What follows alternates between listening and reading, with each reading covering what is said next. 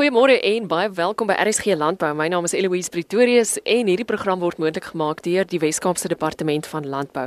Cathy Pinio van die organisasie met die naam Green Cape sluit vanoggend by my aan en ek sien daarna uit om die waardevolle bydrae wat hulle lewer tot die landbousektor in ons land met jou te bespreek. Cathy, welkom op RSG Landbou.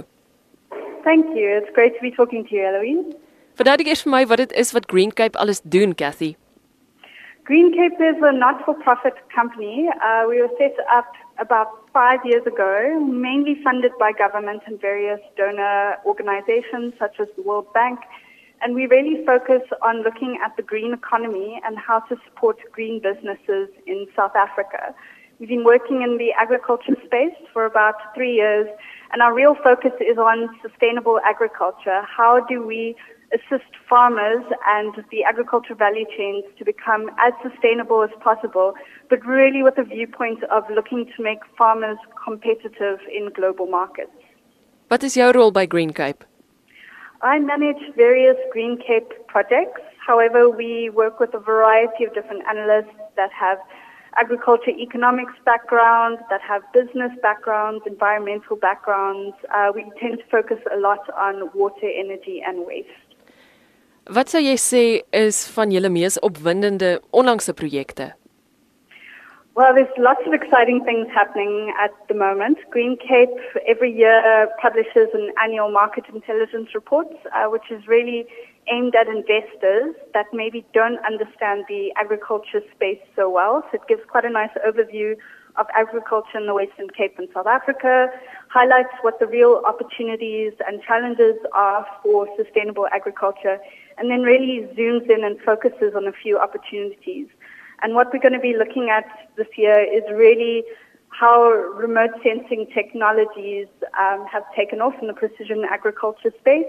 And also, as you've probably seen with the drought in the Western Cape, the kind of explosion that's happening around undercover farming. I mean, shade netting, the area under shade netting has increased by more than 150% in the last five years.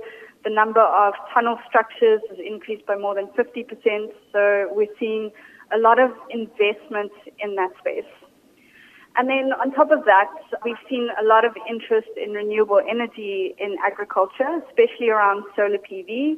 And very excitingly, uh, recently a Western Cape farm has installed a floating solar PV system on their dam. It's the first of its kind that we know of in South Africa, and the system is set to launch on 1st February. So we're very exciting to see how, how that works out.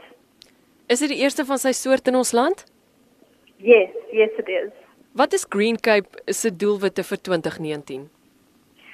Well, Green Cape has a lot of goals. What I'd like to specifically look at within agriculture is really looking at agriculture technology more broadly and look a lot at how we connect the, the green technology manufacturers and service providers with farmers and have them better understand what are the needs of farmers and the sort of systems that they are trying to sell. We are very successful. We have managed to really increase the, the investment in renewable energy in Western Cape specifically, but across South Africa. And there are, are, various ways that we've enabled the government and the business environment in order to do so. So one example is looking at the ability to feed solar, solar energy back into the national grid. And in order for farmers and other businesses to get paid for the energy that they generate, that involves a lot of detailed and complex modeling of rates and tariffs. It involves a lot of engagement with municipalities and Eskom and really a lot of, of compromise in terms of, of how you look at the revenue that the municipalities can, can bring in from electricity and how it can also benefit the businesses wanting to spend money and invest in various green technologies. So that's just one example of, of things that we've done. In terms of looking at drought support, obviously it's been a huge focus in the Western Cape and our water team has done a lot of work in terms of looking at specific companies and looking at what they can do on their sustainable water journey in terms of alternative water sources, in terms of improving water efficiencies, and there's lots of, of case studies and information of, of that available on our website. The website is www.greencape.co.za. Kathy, die werk wat julle doen is uiters interessant. Wie is die tipe mense wie julle graag aanstel? We really have a range of, of people working at Green Cape with very different qualifications. Um, we really are a multidisciplinary organization. There are people who come from engineering backgrounds, um, finance backgrounds, environmental backgrounds, a lot of guys that do work in skills and communications. So we really, we recruit from a wide skill base and what's really important in terms of the, the people that work at Green Cape is more their enthusiasm and their interest in the green economy more broadly. Ek lei af innovasie is 'n belangrike vertrekpunt in die werk wat julle doen, Cathy. Yes, innovation is is critical and we we really love to document and celebrate the the stories of innovation and success in South Africa and there really are so many. I mean even just looking at agriculture, I think the sort of research that we do in horticulture, in fruits, how, how we look at our cold storage food chain and our export markets. A lot of innovative thinking and, and work is done in those spaces. If you're looking at innovative agriculture systems, I mean, AgriProtein, which was set up in Cape Town a, a few years ago, has really gone global. Uh, they look at the production and manufacture of insects for animal feed. And they are honestly one of the global leaders in the world in this space. They do a lot of work with Stellenbosch University and they really are, have been successful in, in looking at how you commercialize an insect system, which is a very novel idea and to be honest is, is a lot trickier than it sounds. So yeah, it's it's really exciting to be working in this space. Cathy, op daardie punt, wat sou jy sê is ons sterkpunte in Suid-Afrika ten opsigte van innovasie? I think that our position within value chains and our relative isolation from a lot of the large global markets have really helped to drive innovation in a sense. I think that we've learned to be quite creative with our solutions and we don't necessarily follow what other market players do automatically. And we also rely quite a, a, bit on our universities. I think we've got amazing research institutions, amazing researchers, and more and more our industry associations are playing a large role in making sure that the research that we do is commercially applicable.